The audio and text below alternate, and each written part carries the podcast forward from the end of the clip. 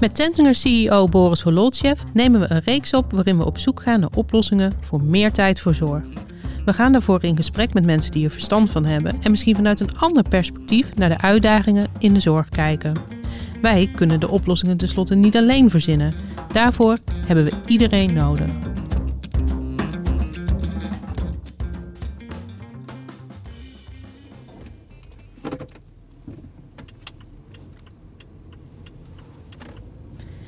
Hey, goedemorgen Boris. Hey Weline. We zitten nu in de auto eh, op weg naar Breda. We gaan naar Jeroen Slootmans. Hij is de winnaar van de Zorgverslim Award 2023. Uh, waarom heeft hij die gewonnen eigenlijk? Nou, Jeroen die is uh, super innovatief en is altijd met innovaties bezig. Dat vinden we natuurlijk uh, uh, geweldig. En in dit geval heeft hij de kansband ontwikkeld. En een project dat Claire heet. en de kansband dat ging over een bandje voor, voor de jeugd en later ook voor ouderenzorg. Daar gaat hij straks alles over vertellen. En, en Claire is een, een platform voor zorgprofessionals en mantelzorgers om die goed met elkaar te laten communiceren. nou ja, wat ons betreft super interessant en uh, leuk om over te gaan praten met Jeroen. Want we willen tijd teruggeven aan de zorg. Ja, klinkt super interessant. En wat ga je hem vragen vandaag? Nou, we gaan een, een leuk gesprek hebben over tijd teruggeven aan de zorg, over innovatie praten. en we gaan praten over, ook over een stukje over cultuur en over cultuur van innovatie. Klinkt goed. Let's go. Hi Jeroen, goedemorgen. Welkom. Ja. Leuk dat jullie er zijn. Leuk, uh, leuk dat we langs mochten komen. Nou, welkom in uh, Tensinger Talk, onze podcast waarin we op zoek gaan naar uh, slimme oplossingen voor meer tijd voor zorg. Uh, om te beginnen, wat interessant is, je innoveert zowel in jeugd als in ouderenzorg. Dat hoor je niet zo vaak. kun je wat vertellen over jouw achtergrond en hoe het komt dat je juist in deze twee sectoren actief bent? Ja, ik vond altijd het menselijke gedrag wel interessant. Ben uiteindelijk uh, op de universiteit beland uh, psychologie uh, gaan studeren. Vond dat te theoretisch. Koos er eigenlijk voor om op safe te gaan voor een hbo. En dan maak je zo'n hbo af en ga je aan het werk. En in de eerste jaren verwonderde ik mij heel erg in over hoe er, dat was in de jeugdzorg, hoe er met de ouders van de jongeren werd gewerkt. Ik dacht, nou wat vreemd, ik, ik hier moeilijk aan committeren. En dat heeft eigenlijk gemaakt dat ik uh, bij Toepazen terecht ben gekomen. Een bedrijf wat ik mee op heb gebouwd. En via dat bedrijf ben ik uiteindelijk mijn gedachten van hoe zou het anders kunnen in de zorg uh, gaan opbouwen. Maar dat is een beetje in vogelvlucht uh, hoe mijn verhaal is gegaan. En Topaz, Topaz is jeugdzorg toch? Topaz is jeugdzorg, sinds 20 jaar. En nou ja, daarin is in 2015 een transitie heeft er plaatsgevonden landelijk. En die transitie die gaf ons alle denk de uitdaging hoe moet het anders. Het moest goedkoper, het moest efficiënter, lokaler. Mooie grondgedachten. Uh, maar hoe richt je dat in? Ik vond dat we als kleine partij daar wel verantwoordingen konden nemen om meer te gaan ontdekken. Dus daar zijn innovaties gestart. Ja, en een heel belangrijk onderwerp natuurlijk. Hè? Absoluut. In de vorige aflevering spraken we met uh, Marco Meerdink. Hij is bestuurder bij Karijn, een heel grote ouderenzorginstelling. En uh, hij gaf ons een vraag mee uh, om aan jou voor te leggen. Of nou, eigenlijk gaf hij ons twee vragen mee. Dus voordat we beginnen zou ik, ook die even aan je voor willen leggen. Dat is, wat is de toepasbaarheid van de omarmband voor mensen met dementie? Ja, um, sowieso een uh, leuk podcast om te luisteren. Um, Misschien Jeroen, misschien kan je nog heel even toelichten wat de armband precies doet. Ja, de armband die detecteert locaties en beweging. Op zich is dat, uh, zijn er veel uh, producten van. Denk waar, waar wij bijzonder in zijn, is dat het super energiezuinig is. Dat betekent dat je er niks aan hoeft te doen. Je kan het zes tot negen maanden om hebben zonder dat je het moet opladen. Dus je kan het niet vergeten. Je kan het ook niet manipuleren. Um, de, de slimmigheid zit aan de achterkant. Het bandje zelf kan eigenlijk niet. Um, en eigenlijk vanuit de praktijk hebben we gemerkt dat dat heel belangrijk is. Je kan wel heel veel techniek in apparatuur stoppen, maar het moet wel toepasbaar zijn en niet bepalend worden. En dit bandje houdt, heeft dus in, in primair was het de jeugdzorg die dat uh, een jeugdig heeft het om, om te weten waar hij of zij is. Ja, en dan niet, uh, want die associatie met een enkelband van je mag ergens zijn als je er niet bent, word je opgepakt. En hier is het eigenlijk andersom. Je kan laten zien, conforme plan, er zit heel veel inhoud achter. Conforme plan uh, waar ben je zodat het goed met je kan gaan? Waar ben je volgens afspraak en waar ben je niet? Denk daarover mee. Want daar loop je risico dat je drugs gaat dealen, foute mensen tegenkomt. En die zones, dan worden er zones aangemaakt. En die zones die worden gecommuniceerd met mensen die zo'n jongere volgen. Dat kan in de oudere zorg ook. Je kan andere soorten zones, een cirkel maken om het huis. Of, nou ja, uh... dus, dus je bent niet opgesloten in die zone, maar mensen om jou heen die krijgen informatie op het moment dat jij uit een zone gaat of een bepaalde zone ingaat. Ja, en dan is het juist de inhoud die eigenlijk daarop aanvullend is van en wat gebeurt er als je niet op tijd op school bent of juist wel op tijd op school bent. Want dat is men vaak helemaal kwijt als we het even over de jeugdzorg hebben. En dan ben je op tijd op afspraak, en dat is school of werk, krijg je dan de complimenten. Nee, dat is men vergeten eigenlijk, want daar is men van weggegroeid. Men, er is een en al uh, wantrouwen ontstaan. Ja. En daardoor is ook het gezag weg. Uh, en dat krijg je weer terug. En ook een rode zone, als je erin komt, een enkelband, word je opgepakt bij wijze van spreken. Hier is het, hoe ga je er dan mee om? Als je wel in die rode zone komt, is je plan wel goed genoeg? En hoe communiceer je daar met elkaar over? Ja, en dat is heel open ook voor de gebruiker van de band. Ja, de jeugd, die, die, die, stemt in, die doet mee in het maken van het plan, ook het maken van de zones en ook in het bepalen wie, wie mogen mij volgen. Ja. Daar heb je geen alleenrecht in. Er is een kader vaak justitieel. Maar met elkaar, en vooral voor de professionals is dat een uitdaging, dat je een beetje los moet laten eigenlijk van heb ik wel vertrouwen in dat vader, moeder, de voetbaltrainer, de volgers worden. En ik wel af en toe in kan zien, maar niet de actuele volger ben. Ik moet daarop vertrouwen, durf ik dat. Als zo'n plan gemaakt wordt, dan is ook logisch dat je bijvoorbeeld 80% van de tijd in een zone bent en dat je niet te veel vrije ruimte hebt. En dat kan gaandeweg, kun je dat afbouwen. Dat er minder zones zijn, dat je meer vrije ruimte hebt. Ja. De ruimte waar een zone niet gemaakt is, daar hebben we ook de privacy op gebouwd. Nou, dan weten anderen niet waar je bent. Ja super interessant. En, uh, en de, de overstap naar ouderenzorg is daarmee ook wel logisch. Hè? Is je, dat je mensen die niet meer verward zijn, niet meer weten waar ze lopen, dat je ze toch in zekere zin een soort vrijheid geeft. Ja. En dat ze, uh, zeker niet in die, in die tussenmomenten, dat ze nog wel helder zijn en misschien boodschappen kunnen gaan doen. Maar als ze dan echt gaan dolen, dan kan je dat in de gaten houden. Dan kan je dat in de gaten houden. Het geeft een beetje de wisselwerking ook wel dat aan de ene kant uh, voor mensen zelf, ik, ik ben in beeld als er iets met me is, ehm, weet een ander dat het misschien niet zo goed gaat. Andersom, het gedrag als je twee, drie keer per dag naar de Albert Heijn gaat, dat kan omdat het gezellig is, omdat daar koffie gedronken wordt. Ehm, prima verhaal. Als het is, ik ben vandaag niet bij de Albert Heijn geweest en het bandje detecteert wel uh, drie keer naar de Albert Heijn geweest, dan is er misschien iets aan de hand wat niet klopt. Is, En wat moeten we dan doen? Ja. Daar zitten we in de ouderenzorg heel erg in opbouw. Maar we merken steeds meer dat dat soort het verfijnen van informatie, het verbreden van informatie, daar heel veel uh, kan gaan bieden. Hey, en de innovatie die zit er met name in dat die zo lang gebruikt kan worden. Ja, dat is een beginsel eigenlijk. Uh, toen we startten met Kansband, met de in, inhoudelijke innovatie, toen huurde ik een bandje apparatuur. En de apparatuur werd vrij snel bepalend, want na twee dagen was de batterij op. En zo'n jongere vergat en dan krijg je dat vergat. Ja, ja, je bent het helemaal niet vergeten. Je hebt het bewust niet gedaan. Uh, dus je, meteen ontstond de waardebepaling van waarom heb je het bandje niet opgeladen. Uh, en waar was je dan? Dus direct ontstaat het oude gedrag en het wantrouwen. Weer in het wantrouwen, ja. ja. Maar zit het bij jeugd, is het dan zit ook vast? Kan het toch af of kan het niet af? Nou, het is, uh, het is niet gepantserd, maar het, we, we, doen het wel. het heeft ook al symboliek. Het gaat op een slotje. Het is een heel fijn slotje. Dus je ziet niet dat het echt een slot is. Maar het kan niet af. Dus je kunt het ook om met douchen. Dit is waterdicht.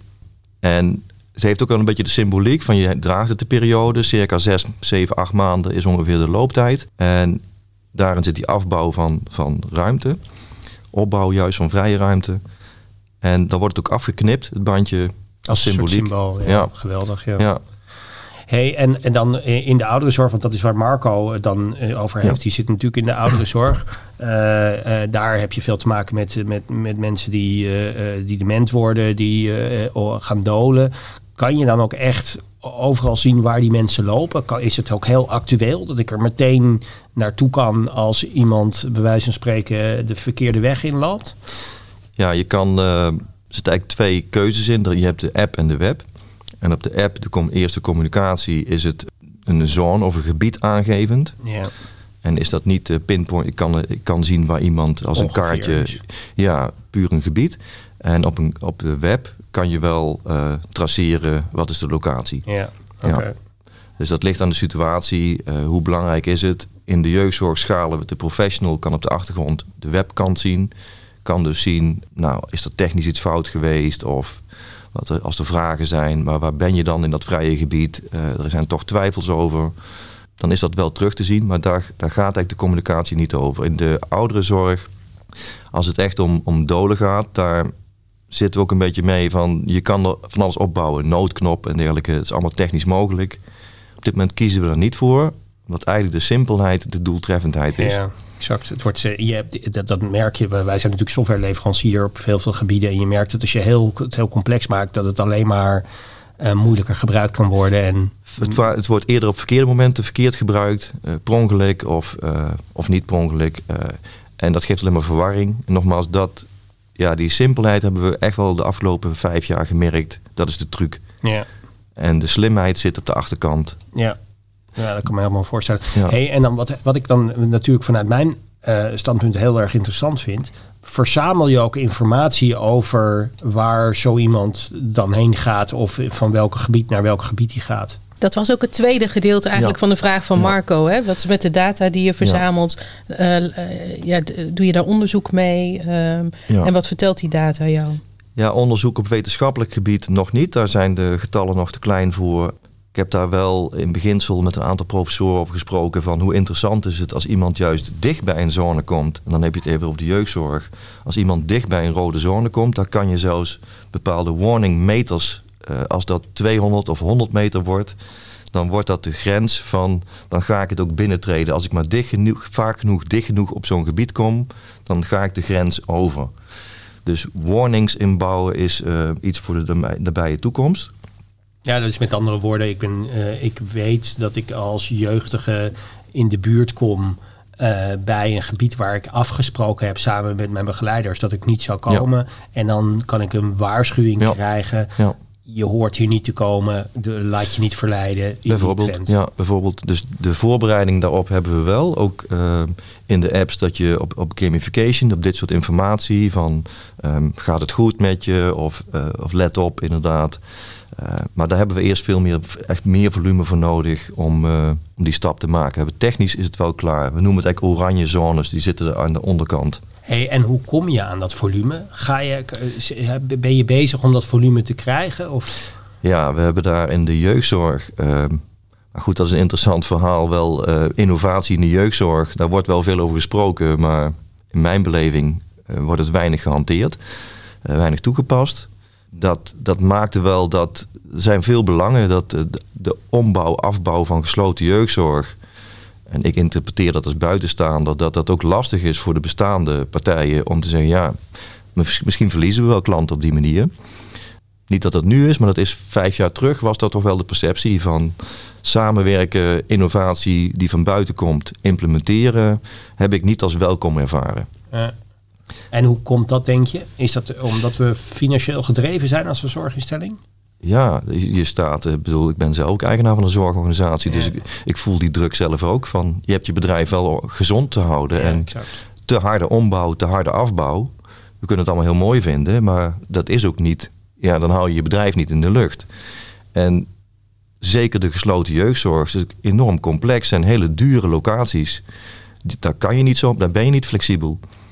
Maar het is dus een, eigenlijk een soort perverse prikkel als je die open wil houden. Of uh, dat je dan niet de innovaties toepast op, die, op, de, op de jeugd. Ja, dat is mijn bevinding. Dat is niet een complete waarheid, dat is wel mijn beeld, mijn ja. ervaring.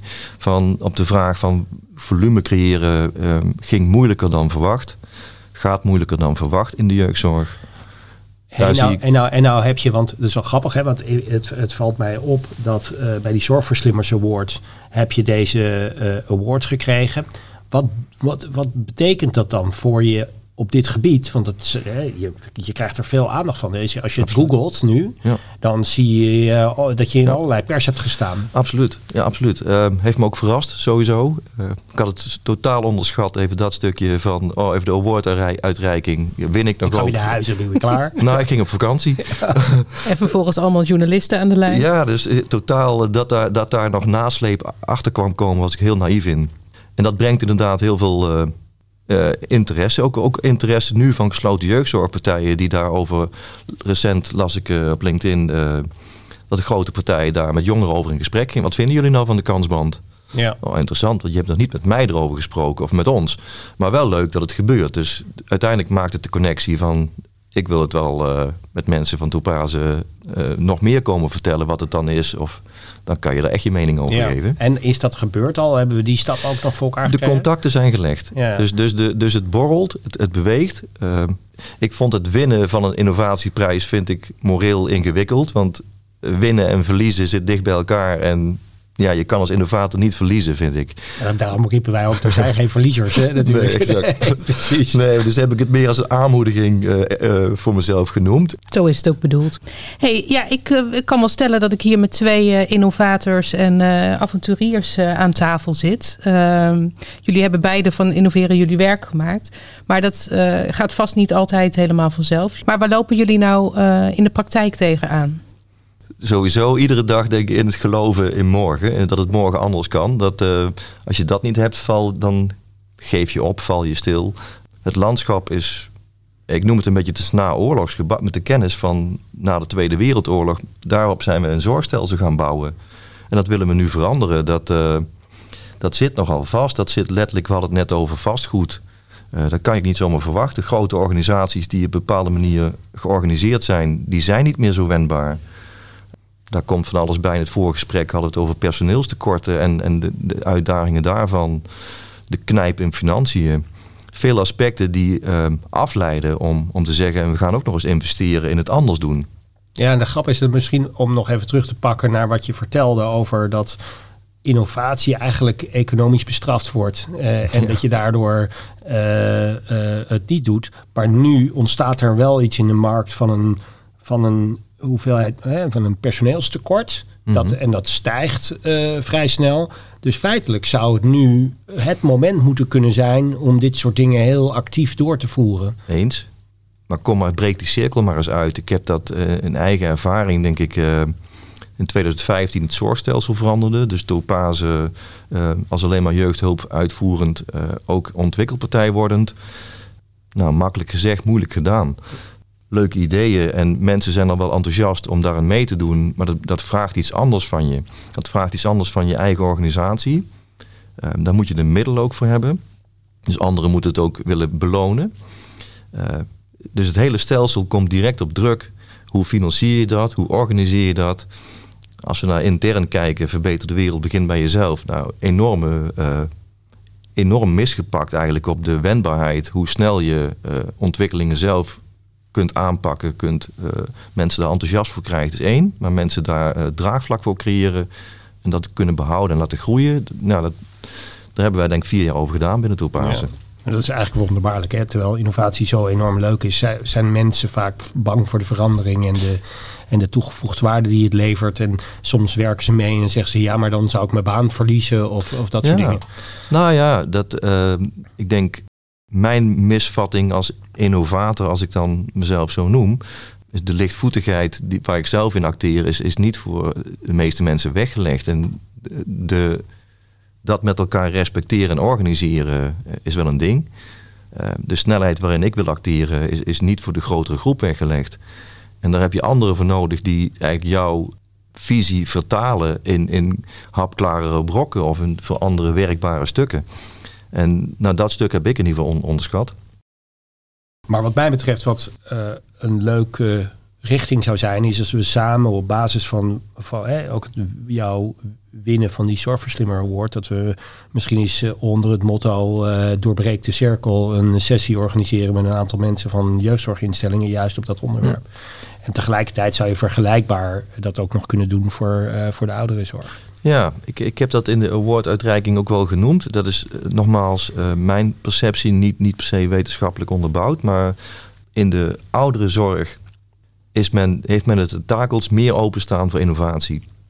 Bijna iedere middengrote grote organisatie heeft een team of, uh, van innovatiemanagers, een innovatieteam. En is daar ontvankelijk voor. Dan hoor je wel weer terug, ja, maar we, we doen al zoveel, het wordt te veel. Dus hoe, hoe maak je keuzes, is dan de uitdaging. Maar je, jouw ervaring is dat het bij de ouderenzorg uh, meer dynamiek is op innovatie dan in de jeugdzorg? Ja, en daar uh, zal ik best organisaties mee tekort doen. Ehm, binnen organisaties wordt misschien wel geïnnoveerd. De organisatie zelf of in onderlinge historische samenwerkingsverbanden. Maar dat je als bedrijf open staat om van onbekende lijnen uit uh, innovatie te ontvangen. Uh, daar heeft men gewoon de middelen, de, de organisatie niet voor. Over het algemeen. Dus men heeft geen innovatieploeg. En men wil dat ook van binnenuit organiseren algemeen. Vaak ook niet ja. werkt. Nee, want je doet dat met de. Ja. Dus je hebt je, je beperkingen en je dilemma's en die heb je niet voor niks. Uh, hebben allemaal onze Maar waarom zou het bij de ouderenzorg dan meer zijn? Of ik nu nogmaals, of ik wetenschappelijk onderbouwd spreek, dat uh, durf ik niet te stellen. Maar, het gaat om het sentiment, om het gevoel. De, nou, prima. In de jeugdzorg, of dat nou 18 of 21 is, maar je, wij vinden mensen heel belangrijk tot ze een bepaalde leeftijd hebben bereikt en dan zwaaien we ze uit. Even heel plat gezegd. En dan is er een heel leven waarin van alles kan gebeuren en waarin je de kwaliteit of de schade die je geleverd hebt uh, niet meer terugziet. In de ouderenzorg ben je, word je gewoon geconfronteerd met een, het, af, het aflopen van het leven en met de tekortkomingen daarvan. En ga je die samen aan. Dus uiteindelijk is het leven eindig en dat, dat is heel duidelijk. Uh, de problematiek blijft bij die organisaties. Uh, dus ik denk dat de, de, het weer vertrekken van de klant in de jeugdzorg en het blijven bij de klant tot het einde in de ouderenzorg, de bewustwording maakt van dit kunnen wij zo niet meer redden. Uh, ja, anders maakt. Ja. Terwijl je zou denken, heel objectief gezien, dat het voor de jeugdzorg eigenlijk misschien wel belangrijker is. Want die jeugd die leeft al veel langer. Dus het effect wat je daar bereikt van innovatie zou groter moeten zijn. Ja, ja, je zou het zeggen. De minuten die we teruggeven aan de zorg. Het, onze, onze missie is om minuten terug te geven aan de zorg. Ja. En wat uh, super grappig is, is dat als je dat dan door zou kunnen rekenen. Dat zou dan een hele hoge ambitie zijn. Van, als ik bij een jeugdige het voor elkaar krijg dat hij gewoon weer in de maatschappij goed functioneert door de juiste innovaties. Dan heb ik daar jarenlang een effect van. Dat is interessant iets. Want uh, komen tot normalisering, er staat geen prijs op komen tot verzwaring van zorg, eh, dat, dat vinden we makkelijker. Zeggen de klant gaat achteruit, er moet meer zorg naartoe. Tot de gekste bedragen aan toe wordt dat gefinancierd. Daar, val je van achterover, waar daar, wat daar soms voor betaald wordt. Maar als het, als het je lukt ehm, om te zeggen, we komen naar normalisering en de klant zou weer zonder of met heel weinig zorg verder kunnen, wie durft daarvoor te betalen? Dat wordt juist geknepen. Dan, dan... Ja, en, het, en, de, en de truc is, kan ik dat uitrekenen? Kan ik dat, kan ik dat uh, laten zien? Kan ik dat uh, formuleren zodat ik dan zeg, kijk, ik kan, het, ik kan bewijzen dat ik een stapje verder. En dat is moeilijk, want um, resultaatmeting in de zorg, de vraag uh, van Marco natuurlijk van wat meet je in jouw tool vind is al moeilijk. Want dan begin ik al te ontwijken in, in volumes en uh, alle excuses te zoeken dat zit natuurlijk in resultaatmeting van de zorg ook. Van, is, het, is het het resultaat van de zorg of was het het leven aan zich? Wat, is, wat zijn de helpende factoren? Daar kan je best wel wat in doen. Maar op grote schaal, als je het echt hebt over gezinsproblematiek bijvoorbeeld. Wat heeft nou geholpen? Dat is, dat is ingewikkeld eigenlijk de essentie is, is kan ik, uh, kan ik uh, mijn innovatie verbreden om daar meer van te leren? Als ik je zo hoor, dan denk ik, ja, als de ouderenzorg dan meer potjes voor innovatie heeft, dan, zou, dan is het ook een soort pingpongballetje. Je zou bij de ouderenzorg dan een paar stappen kunnen zetten om dan weer terug te brengen naar de jeugdzorg. Ik, ehm, ik vind het in ieder geval uh, heel leuk om, hè, om meer datapunten te creëren, om meer te innoveren, om meer te onderzoeken. Zoals Marco vraagt, joh, kunnen we meer onderzoeken, kunnen we daar meer informatie uithalen? Om eens een keer uh, samen dat gesprek uh, te gaan voeren met wat zorgbestuurders in de, in de jeugdzorg of in de ouderenzorg. Om te praten, kunnen we meer datapunten creëren, meer bewijslast creëren om dan weer een volgende stap ja. te maken in de innovatie, wat, wat sterker door te zetten. Super interessant. Dus laten we dat, laten we dat samen proberen. En zo kunnen we samen meer tijd uh, voor zorg organiseren. Ja, innoveren doen, doe je niet alleen, zeggen jullie eigenlijk allebei. Hè? Daar heb je iedereen voor nodig. maar hoe krijg je nou je mensen binnen je organisatie mee? Ja, een korte vraag met een complex antwoord. voor mij in ieder geval was dat wat ik al een beetje vertelde van ehm, voor mij heeft geholpen de eerste bewustwording dat ik te hard ging. Te veel wilde, uh, te veel van anderen hetzelfde verwacht als je zelf doet. Van uh, anderen zijn enthousiast uh, en je ziet zelf de potentie, dan zal iedereen ook wel net zo hard daarvoor gaan en mee willen. En in basis binnen Topase was dat ook zo, maar hoe voer je dat dan uit en wat, doet een, wat doe je dan allemaal anders om tot een geheel te komen?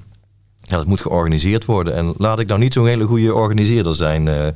Dus dat faciliteren, uh, dat soort zaken, nou gewoon erkennen. Waar ben je goed in, waar ben je niet goed in? En hoe doen we dat met elkaar? Uh, en hoe geef je dat ook niet alleen gedrag, maar ook cultuur? Het is best interessant hè, dat jij bestuurder bent van Topaze dan en eigenlijk de, de bestuurder, de, de zorgverleners aanstuurt. Ja. Dat je ook zelf innovatief bent en dat je het toch nog steeds complex vindt om mensen te stimuleren om met je innovaties aan de bak te gaan de, de kwetsbaarheid van de praktijk. Je hebt gewoon met echte mensen echte dilemma's te maken. En die, die druk is hoog. Uh, er hoeft maar één technische fout op te treden en uh, men voelt per direct de druk. En als dat zonder die innovatie niet was, dan wil je daar heel snel van weg. Ja. Uh, maar hoe bedoel je dat precies? Want men, hè, we, we wennen steeds meer aan technologie, et cetera. En als de technologie dan wegvalt, dan zijn we, uh, dan zijn we teleurgesteld of boos? Of hoe zie je dat? Uh, nou, wennen steeds meer aan technologie. Ik heb die ervaring niet per se zo dat het in de zorg zo is. Wel als mens, dat we met onze middelen steeds ja. meer leren omgaan. Maar of we, hoe we dat in de zorg toepassen, ik denk dat dat nog heel beperkt is. Ja, het is wel fascinerend, want jouw uh, zorgverleners zitten ongetwijfeld op uh, Facebook, Instagram, uh, TikTok, WhatsApp, et cetera. De social media, dat vliegt om onze oren. Ja. En, dan, en dat innoveren, daar verwachten we heel veel innovatie van ook. Dat ja. vinden we ook, als die wegvallen, dan is er echt een issue. Ja. Maar innovatie in de zorg valt dus wat tegen. Nou ja, zorg is vaak nog heel erg taalgericht. Dus gespreks, als je niet uitkijkt, zijn het gesprekken en de schriftelijke registraties daarvan. En that's it. Dus hoe integreer je daarin techniek en hoe maak je dat eigen? Nou, dan zie ik wel dat uh, uh, jongere mensen die echt vrij recent van de opleiding komen, uh, daar heel makkelijk mee omgaan. We hebben recent dus alleen al de stap bijvoorbeeld het nieuwe EPD naar een, een nieuw klantdossier van, van Medicor gemaakt. Dan zijn de, de net aangenomen jonge professionals de coaches intern voor de routiniers. Hoe, hoe, hoe richten we dat in? Hoe passen we dat toe? Ja, die verschillen zijn groot. Dus de, het draagvlak, en dat is niet per definitie dat ouderen daar niet meer voor openstaan, niets kunnen, maar daar komt een nieuwe generatie aan die een groter draagvlak heeft voor technische implementaties dan was.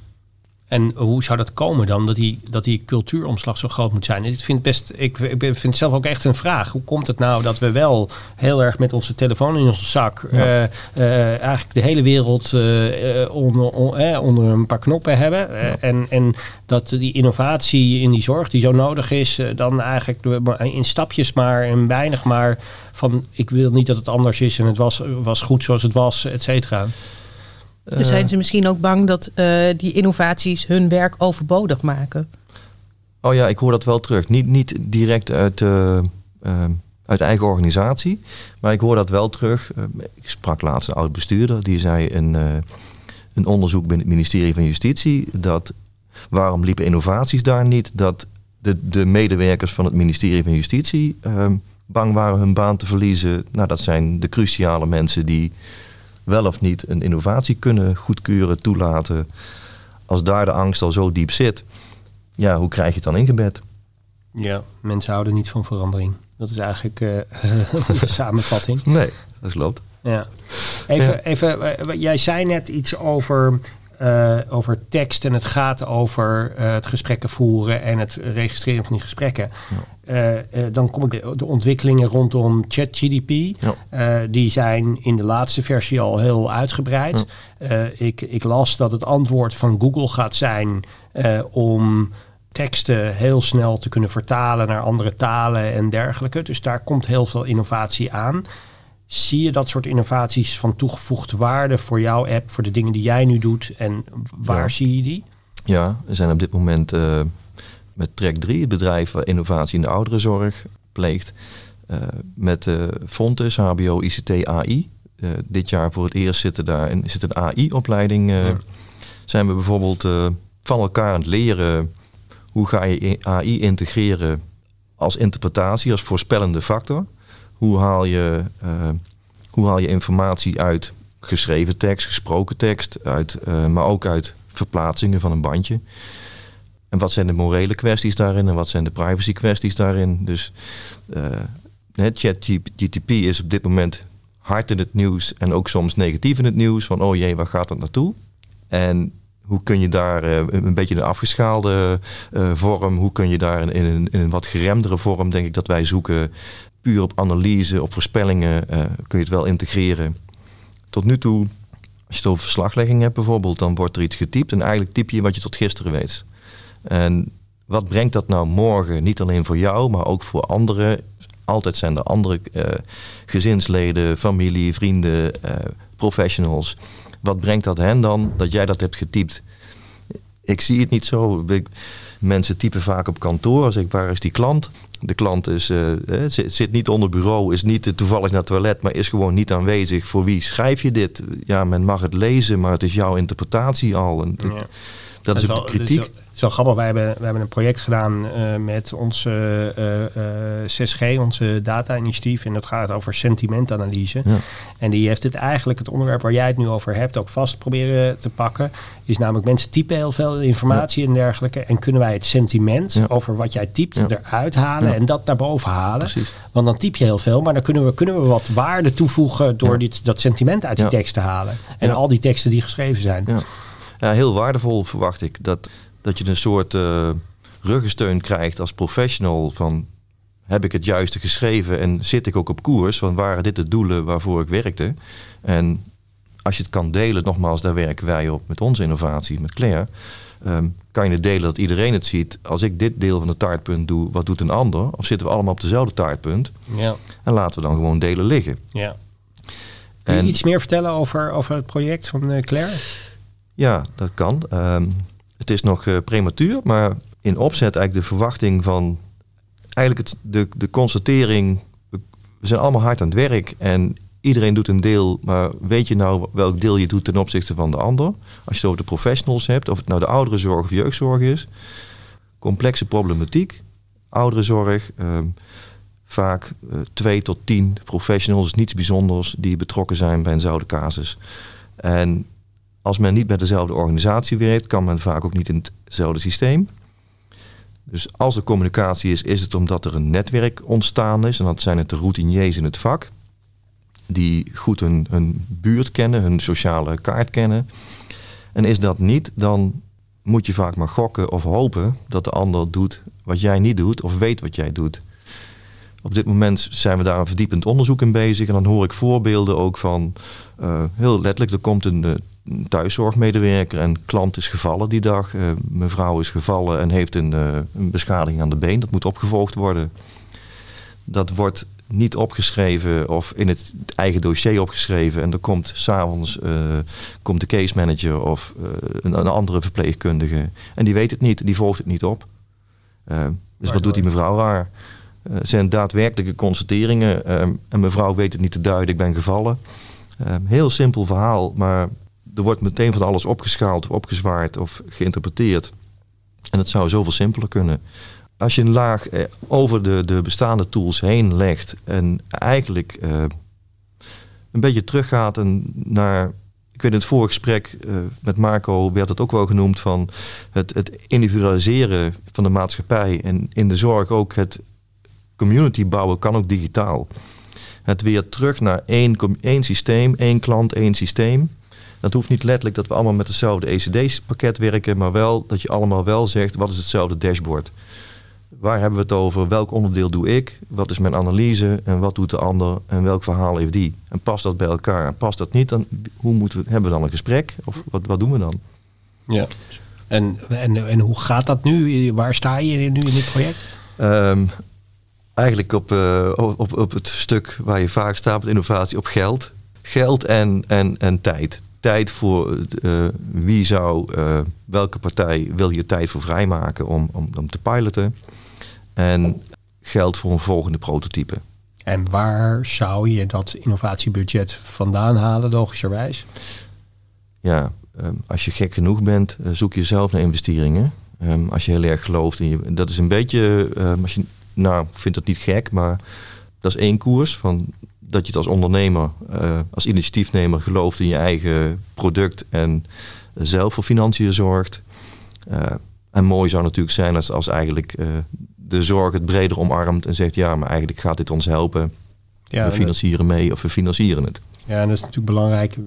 Wie betaalt het product uiteindelijk? Ja, wie wint en wie wint wat. Ja. ja. Dat, dat, dat geschuif eigenlijk